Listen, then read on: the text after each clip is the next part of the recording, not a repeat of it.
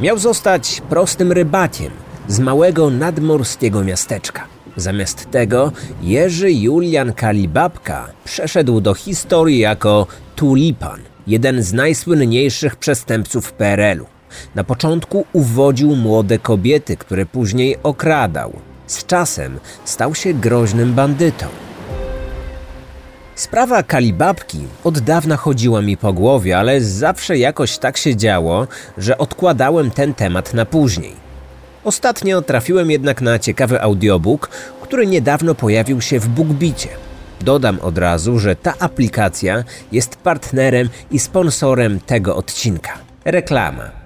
PRL za krat. Głośne sprawy sądowe z lat 1945-1989 to zbiór reportaży opracowanych przez Helenę Kowalik. Jeden z nich dotyczy właśnie największego amanta i uwodziciela w historii naszego kraju.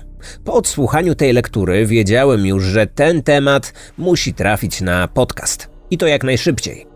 Reportaż pani Kowalik posłużył mi nie tylko jako inspiracja, ale także jako źródło do stworzenia tego odcinka. Polecam zapoznać się z tym tytułem, jak i z wieloma innymi, które BookBeat ma w swojej ofercie. Jeżeli nie macie jeszcze konta w tej aplikacji, możecie je założyć z hasłem Kryminatorium. Dzięki temu otrzymacie dostęp do pakietu BookBeat Basic, pozwalający na przesłuchanie 30 godzin ulubionych audiobooków przez całe 45 dni. Uwaga, ta oferta jest ważna do końca lutego. Potem zamiast 45 dni będzie 30. Szczegóły związane z rejestracją i promocją zostawiam w opisie odcinka. Kryminatorium. Otwieramy akta tajemnic. Jaki los mógł czekać chłopaka mieszkającego w małej nadmorskiej miejscowości, którego ojciec był dobrze prosperującym rybakiem? Matka nie wyobrażała sobie innej przyszłości dla swojego syna niż kontynuowanie tej rodzinnej tradycji. Mały Jurek opcje miał dwie. Albo poddać się woli własnych rodziców i pójść w ślady własnego ojca, albo zaryzykować. Postawić wszystko na jedną kartę i za wszelką cenę wyrwać się z tego hermetycznego świata, a później posmakować wielkomiejskiego życia pełnego pieniędzy i pokus. Jednak przez pierwsze kilkanaście lat swojego życia Jerzy Julian Kalibabka w ogóle nie brał pod uwagę tej drugiej możliwości.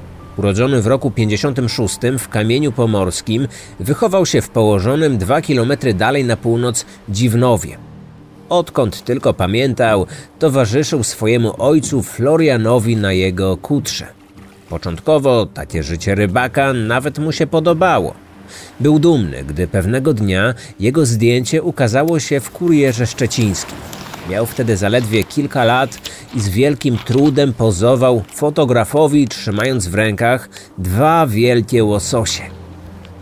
Nie złowił ich co prawda sam, to były zdobycze jego ojca, no ale przecież dzielnie mu pomagał. Dlatego cała rodzina uważała, że nazywanie wtedy Jurka najmłodszym rybakiem Pomorza Zachodniego, bo właśnie tak podpisano opublikowane zdjęcie, jak najbardziej się chłopcu należało. Do swojej edukacji nigdy się tak naprawdę nie przekładał. Nie musiał. Przecież miał zostać rybakiem, więc matura, nie mówiąc już o studiach, nie była mu do niczego potrzebna. Dla tych, co wypływają w morze, nie liczą się przecież przeczytane książki. Ważne są umiejętności praktyczne, wytrwałość, czasami odwaga. Jurek to wszystko miał i to nawet bez ukończenia najlepszych szkół. Proste życie rybaka wydawało się być mu po prostu pisane. Zdaniem Patryka Pleskota, autora książki Przekręt, najwięksi kanciarze PRL-u i trzeciej RP, wszystko zmieniło się, gdy przedwcześnie zmarł jego ojciec. Był rok 1972. Jerzy odziedziczył po nim wysłużony kuter oraz zadanie wykarmienia swojej rodziny. Zdany wyłącznie sam na siebie, nie radził sobie najlepiej podczas połowów. Brakowało mu jego kapitana i mentora. Rzucone w morze sieci nie były już tak pełne jak wtedy, gdy robił to ze swoim tatą. Wtedy coś w nim pękło. Stwierdził, że nie jest to życie dla niego, że on stworzony jest do większych rzeczy.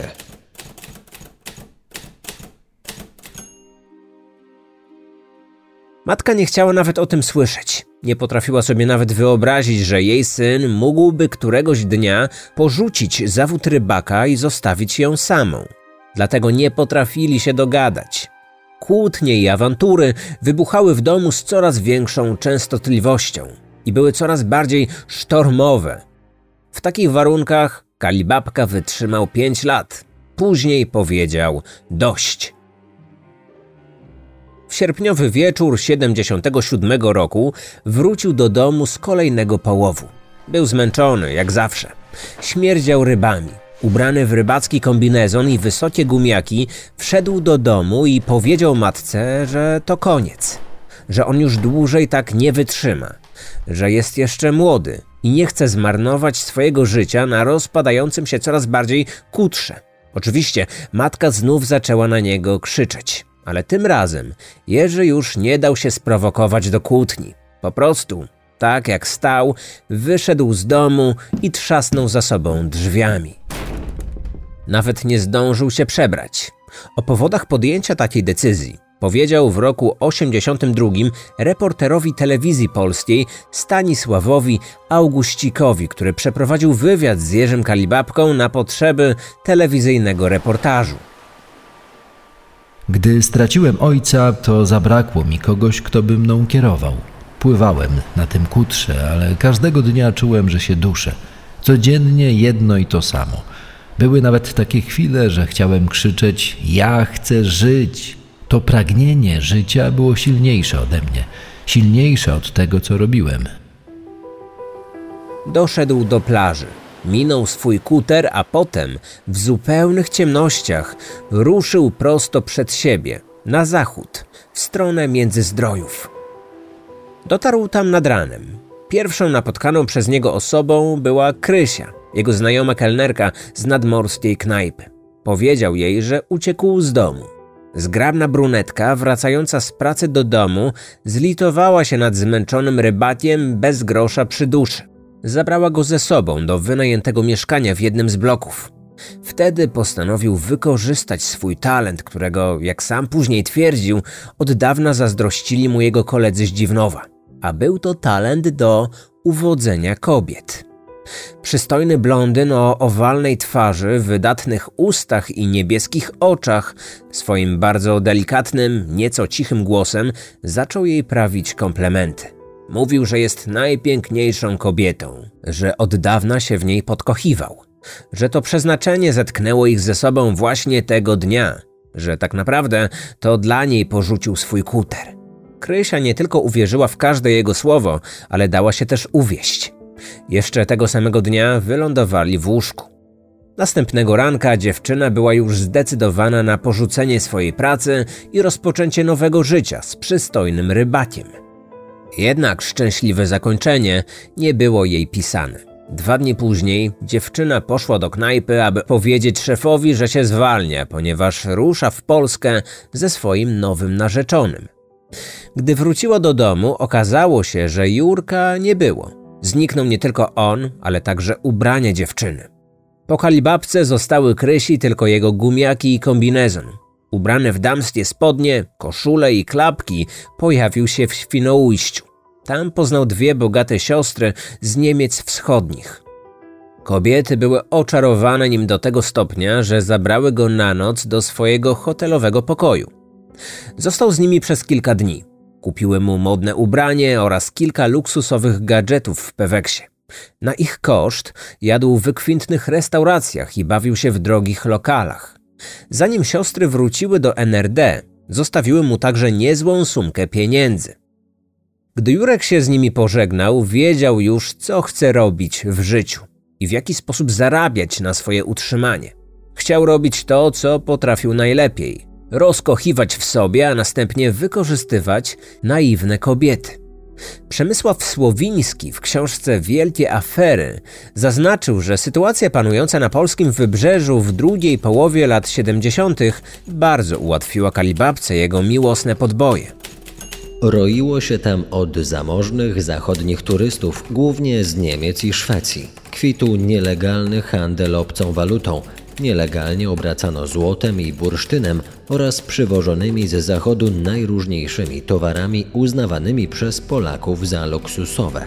Wszędzie można było spotkać zmęczone życiem bogate mężatki, które nad polskim morzem szukały chwili zapomnienia w ramionach miejscowych przystojniaków. Kto jak kto, ale Jerzy Kalibabka miał wszystko to, czego takie kobiety potrzebowały. Atrakcyjny wygląd, pewność siebie oraz, jak mówił sam o sobie, niezłą bajerę.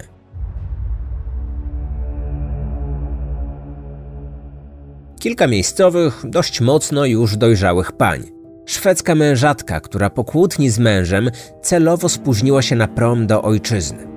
A nawet mieszkająca na emigracji matka z córką, które zimą 77 roku postanowiły odwiedzić Polskę i spędzić tu kilka dni.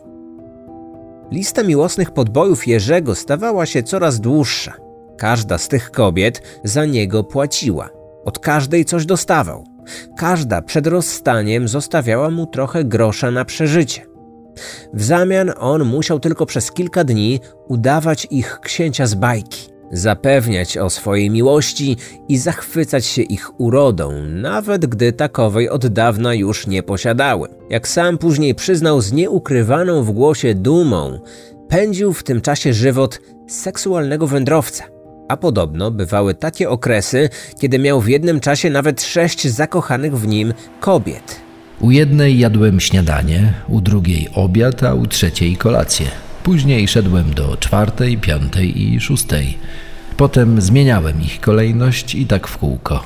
Od każdej pożyczałem jakieś pieniądze, których i tak nie miałem zamiaru oddać.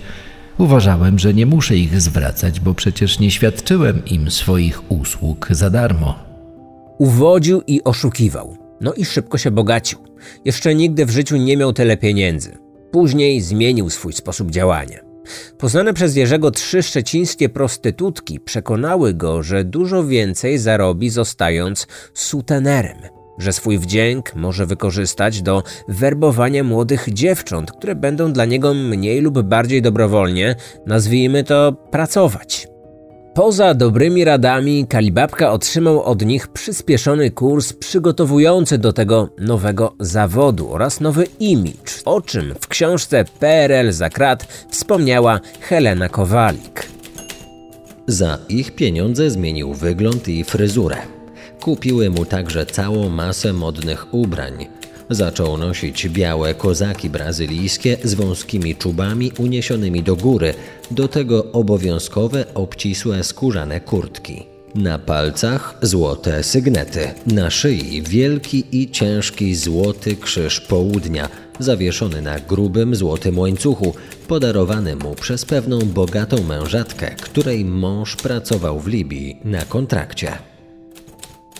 Podobno to właśnie te trzy mewki, bo tak nazywano w PRL-u prostytutki z wybrzeża, po raz pierwszy nadały mu słynny przydomek tulipan. Tak przynajmniej twierdził on sam.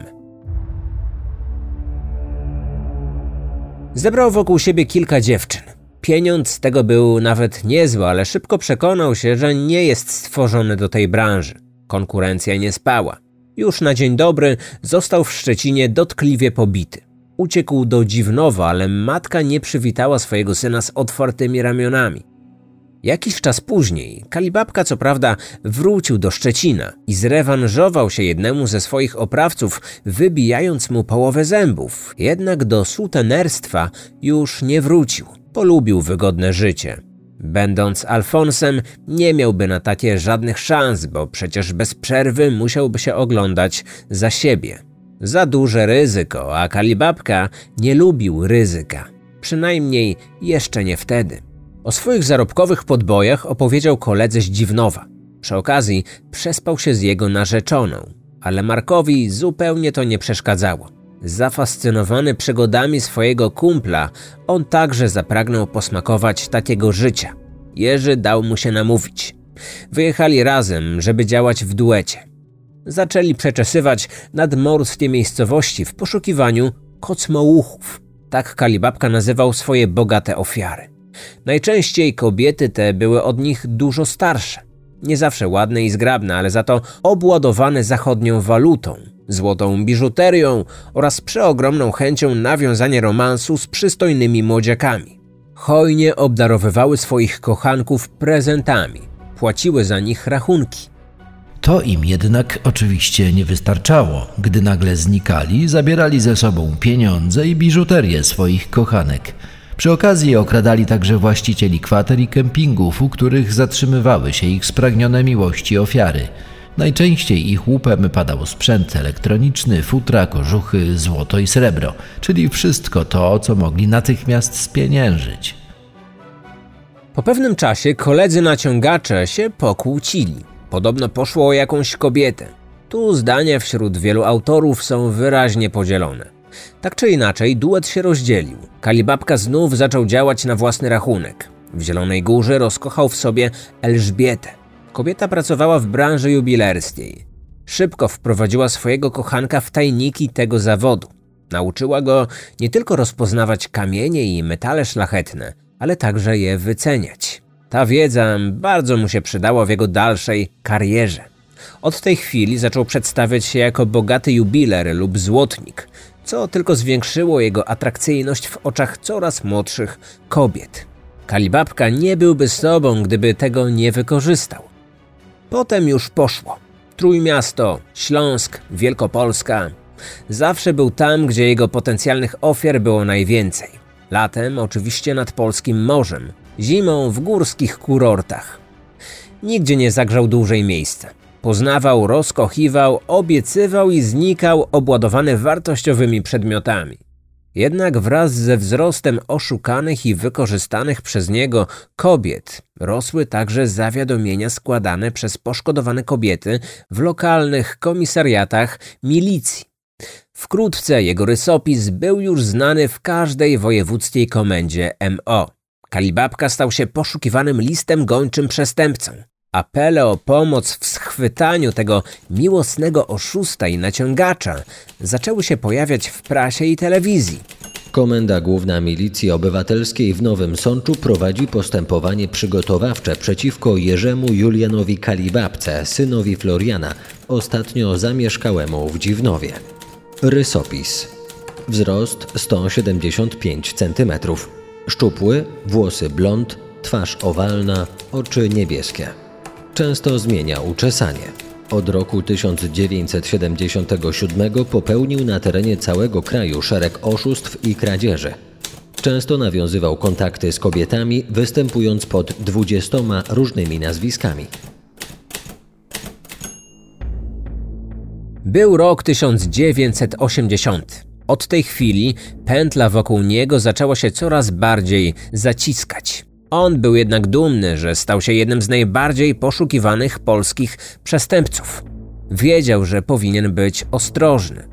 Mógł ukryć się gdzieś na jakiś czas, ale Kalibabka uwielbiał wystawne życie. Dodatkowo czuł się sprytniejszy od milicji. Lubił też szpanować swoim bogactwem. Czasami pokazywał się w swoim rodzinnym miasteczku, aby sąsiedzi mogli go zobaczyć, jak spaceruje uliczkami Dziwnowa w modnych i drogich ubraniach, obwieszony złotem i klejnotami. Ta próżność szybko go zgubiła. Jeden z jego sąsiadów widział telewizyjny apel. Gdy tylko Jerzy pojawił się przed jego domem, mężczyzna zadzwonił na milicję. Jeszcze tego samego dnia Kalibabka został zatrzymany i przewieziony do aresztu w pobliskim kamieniu pomorskim. Wtedy ujawnił się jego kolejny talent, tym razem do ucieczek. Nagle zaczął się uskarżać na silny ból w klatce piersiowej. Poprosił o prześwietlenie. Przewieźliśmy go do przychodni rejonowej. Lekarz poinformował nas, że przed prześwietleniem rentgenowskim musimy mu zdjąć metalowe kajdanki. Tak też zrobiliśmy. Bardzo szybko przekonaliśmy się, jak wielki popełniliśmy błąd. Wystarczyła mu tylko chwila. Idąc w stronę rentgenowskiego aparatu, nagle podbiegł do otwartego okna. Wyskoczył z pierwszego piętra budynku przychodni i pobiegł w kierunku pobliskiej rzeki. Przekroczył ją w pław. Zanim milicjanci dojechali do brzegu radiowozem, kalibabki już nigdzie nie było. Zniknął bez śladu i był wolny.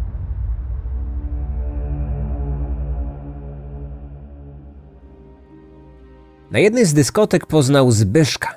Mężczyzna został jego wspólnikiem. Nazywał go Czarnym Markiem, ale zwykle mówił o nim Trzęsi Dupa. Pochodzenie tych oryginalnych przydomków nie jest jasne. Razem obrobili kilkanaście panien z całej Polski, tak jak wcześniej robił to ze swoim kolegą z Dziwnowa. Później się pokłócili. Podobno po tym, jak Kalibabka naruszył jego prywatną narzeczoną. Partnerzy od dojenia kocmołuchów rozstali się. Jerzy wsiadł w pierwszy lepszy pociąg i ruszył w Polskę. Będąc w drodze na Śląsk, wypatrzył w jednym z wagonów samotną dwudziestolatkę. Przysiadł się do niej, chwilę pogadali. Wysiedli razem w Opolu. Następnego dnia byli już parą. Tak przynajmniej myślała dziewczyna. Powiedział, że gdyby miał pieniądze, zabrałby ją na romantyczny wypad w góry. On może nie miał, ale ona miała. A właściwie to mieli jej bogaci rodzice. Pojechała więc do nich po pieniądze. Kalibabka został w jej mieszkaniu. Kiedy wróciła, już go nie było. Podobnie jak jej drogiej biżuterii i futra. Podobny schemat powtarzał się bardzo często. Tylko na swoje ofiary wybierał coraz młodsze dziewczyny. Jeszcze nastolatki, nie mające więcej niż 17 lat. Maria straciła złote pierścionki, kilka zegarków i magnetofon. Agata podobny zestaw. Helena Kowalik w książce PRL za krat wspomina też przypadek 16-letniej Jarosławy z małego miasteczka na Dolnym Śląsku. Była dobrą uczennicą, córką poważanego dyrektora szkoły i nauczycielki, do tego ładna i zawsze dobrze ubrana. Pewnego dnia poszła z koleżanką do kawiarni. Tam ją wypatrzył. Zabrał jej numerek z szatni, później nie chciał oddać. Żartował, droczył się, na końcu postawił warunek. Zje z nim kolację w hotelowej restauracji. Zgodziła się. W trakcie posiłku dużo mówił o sobie, o swoich bogatych rodzicach, o częstych zagranicznych podróżach, które już go nudzą, o tym, że jest jubilerem. Podarował jej nawet złoty pierścionek, który dzień wcześniej ukradł innej dziewczynie. Tamtego wieczoru szesnastolatka po raz pierwszy nie wróciła do domu na noc. Kilka dni później oznajmiła swoim rodzicom, że się od nich wyprowadza. Wyjechali w Polskę. Wkrótce przestało być jednak różowo. Mieszkali w wynajętych pokojach. Gdy wychodził na swoje łowy, zamykał dziewczynę na klucz. Kiedy się temu sprzeciwiała, bił ją. Mimo to ona nadal go kochała. Pomagała mu nawet zwabiać kolejne ofiary. Nazywał ją swoją panią. Aby się nie nudziła, przyprowadził jej Beatę, którą nazywał Grzałą. Dziewczyna w dzień miała być służącą jego pani, a nocami służyć jemu. Oczywiście swoim ciałem. Ale kiedy pół roku później Jarka zaszła w ciążę, porzucił ją na dworku w Warszawie. Zadzwonił nawet do jej rodziców, aby odebrali swoją córkę. Z czasem Kalibabka stawał się coraz bardziej brutalny. Kolejne swoje dziewczyny także bił za każdą oznakę nieposłuszeństwa. Zamykał w mieszkaniach i groził śmiercią. Uznał, że taki układ znacznie ułatwia mu pracę. Odtąd zawsze miał przy sobie jakąś panią i dwie, czasami trzy, grzały, czyli służące. Dowodząc takim osobistym haremem, dokonywał kolejnych podbojów zakończonych kradzieżami. Skład jego bandy zmieniał się kilkakrotnie bo jemu szybko nudziły się wszystkie dziewczyny. Co jakiś czas milicjanci wpadali na jego trop. Kilka razy, bardziej lub mniej przypadkowo, zatrzymywali go, ale Jurkowi zawsze udawało się szczęśliwie uciec. Z komisariatu, z radiowozu, z pokoju przesłuchań. Później z dumą opowiadał, że uciekał milicjantom aż 27 razy, czym zbliżyć się miał do osiągnięcia słynnego perelowskiego mistrza ucieczek Zdzisława Saszłyka Najmrockiego. Swoją drogą odcinek na jego temat również znajdziecie na Kryminatorium. Odsyłam Was do materiału numer 166, opublikowanego we wrześniu 2021 roku. Przemysław Słowiński w swojej książce Wielkie Afery twierdzi jednak, że Kalibabka wyolbrzymiał wszystkie swoje dokonania. Lubił, gdy krążyły o nim wyssane z palca legendy. Zdaniem tego autora uciekał on milicjantom zaledwie 11 razy.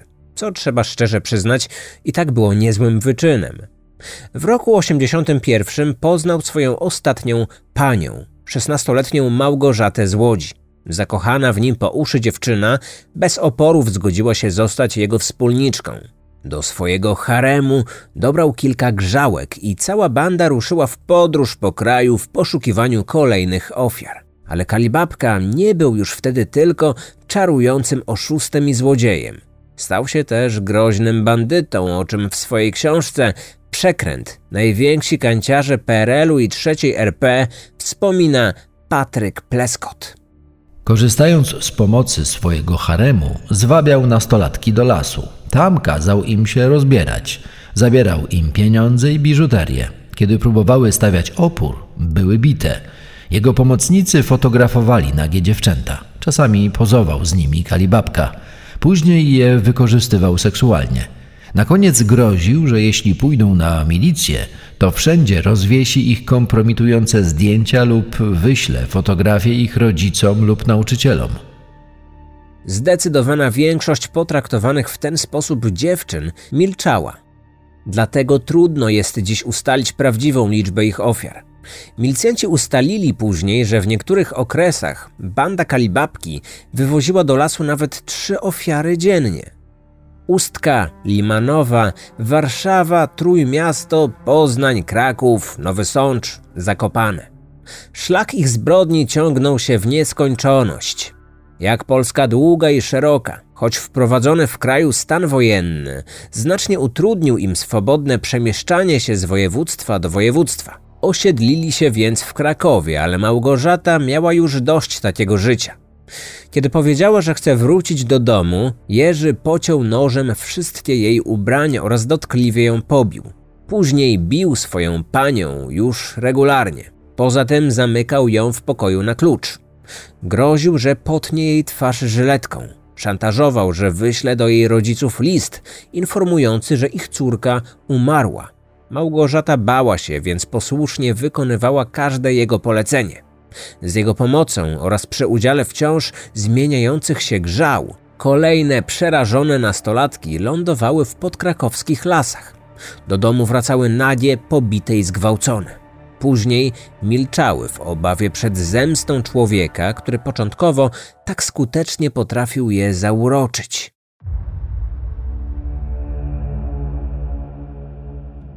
Kalibabka nie mógł zbyt długo usiedzieć w jednym miejscu. Bał się rozpoznania. Nosił przy sobie mapę Polski, na której zaznaczał wszystkie miejsca, w których dokonywał swoich akcji, po to, aby wiedzieć, gdzie już nie powinien się pojawić.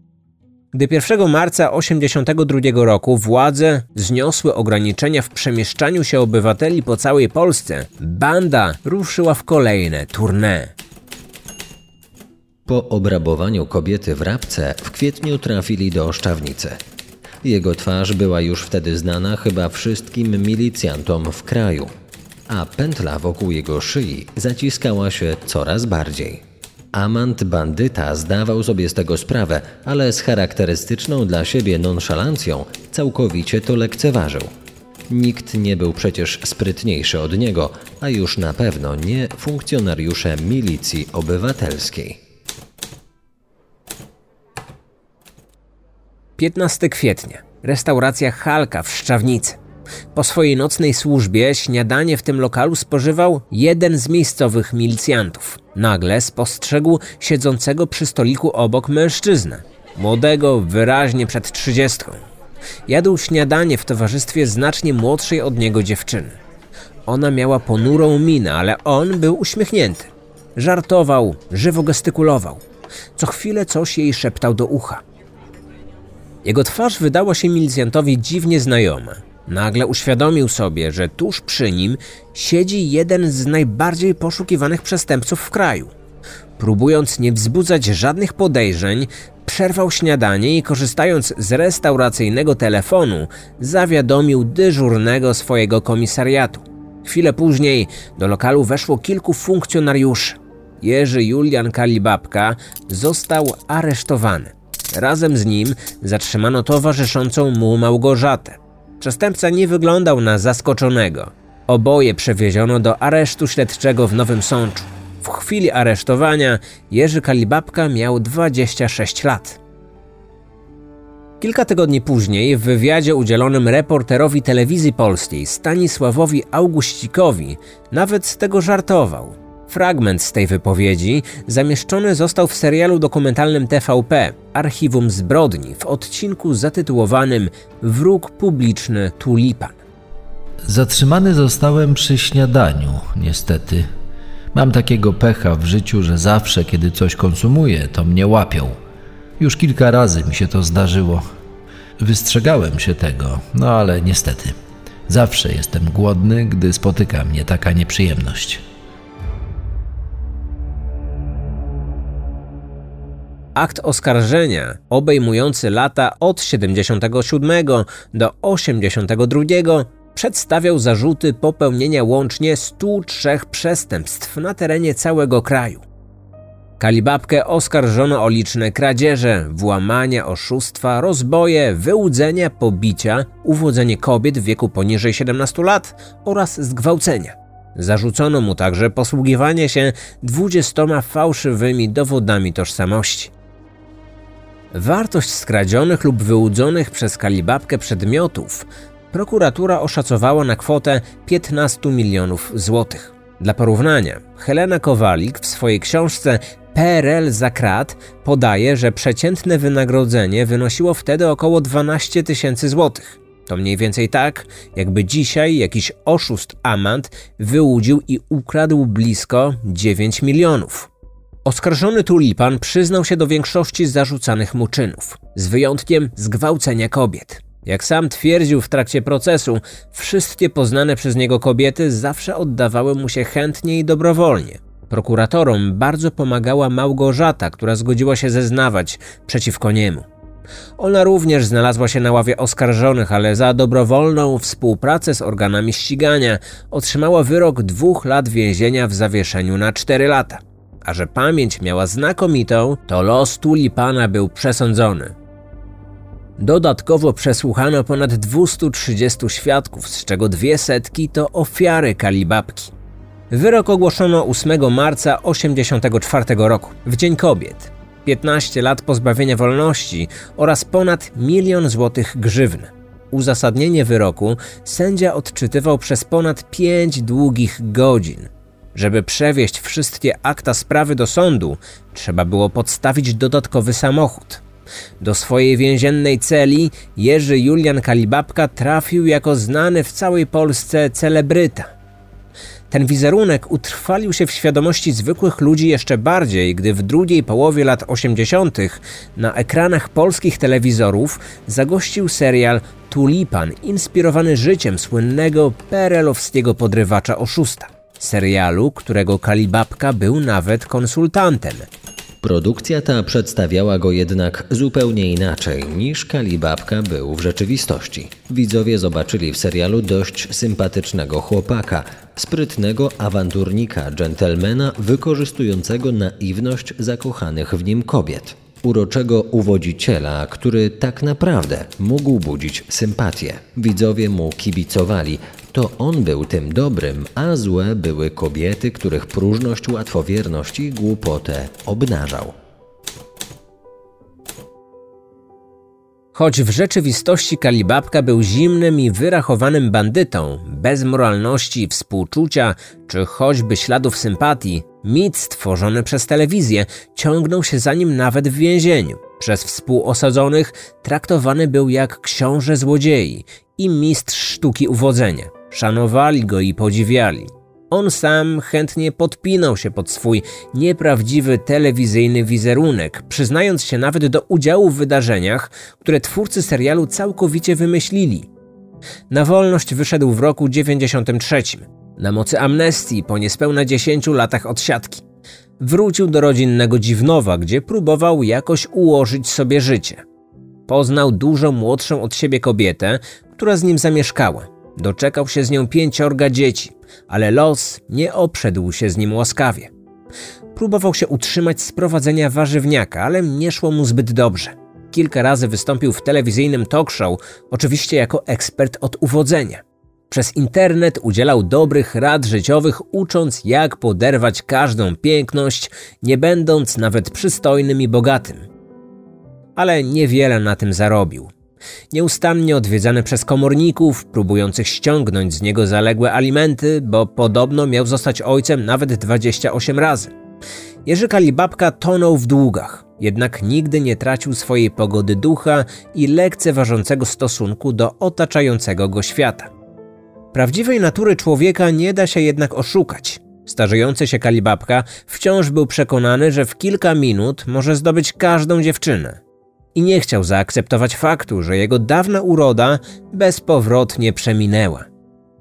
Ponad 60-letni mężczyzna, chorujący na miażdżycę, mówiący już coraz mniej wyraźnie, z poraną zmarszczkami, spuchniętą twarzą i bardzo widocznymi brakami w uzębieniu, wciąż starał się zagadywać mijane na ulicy młode dziewczęta, ale już nie działał na nie tak jak wtedy, gdy był tulipanem. Zmarł w 2019 roku, w wieku 63 lat.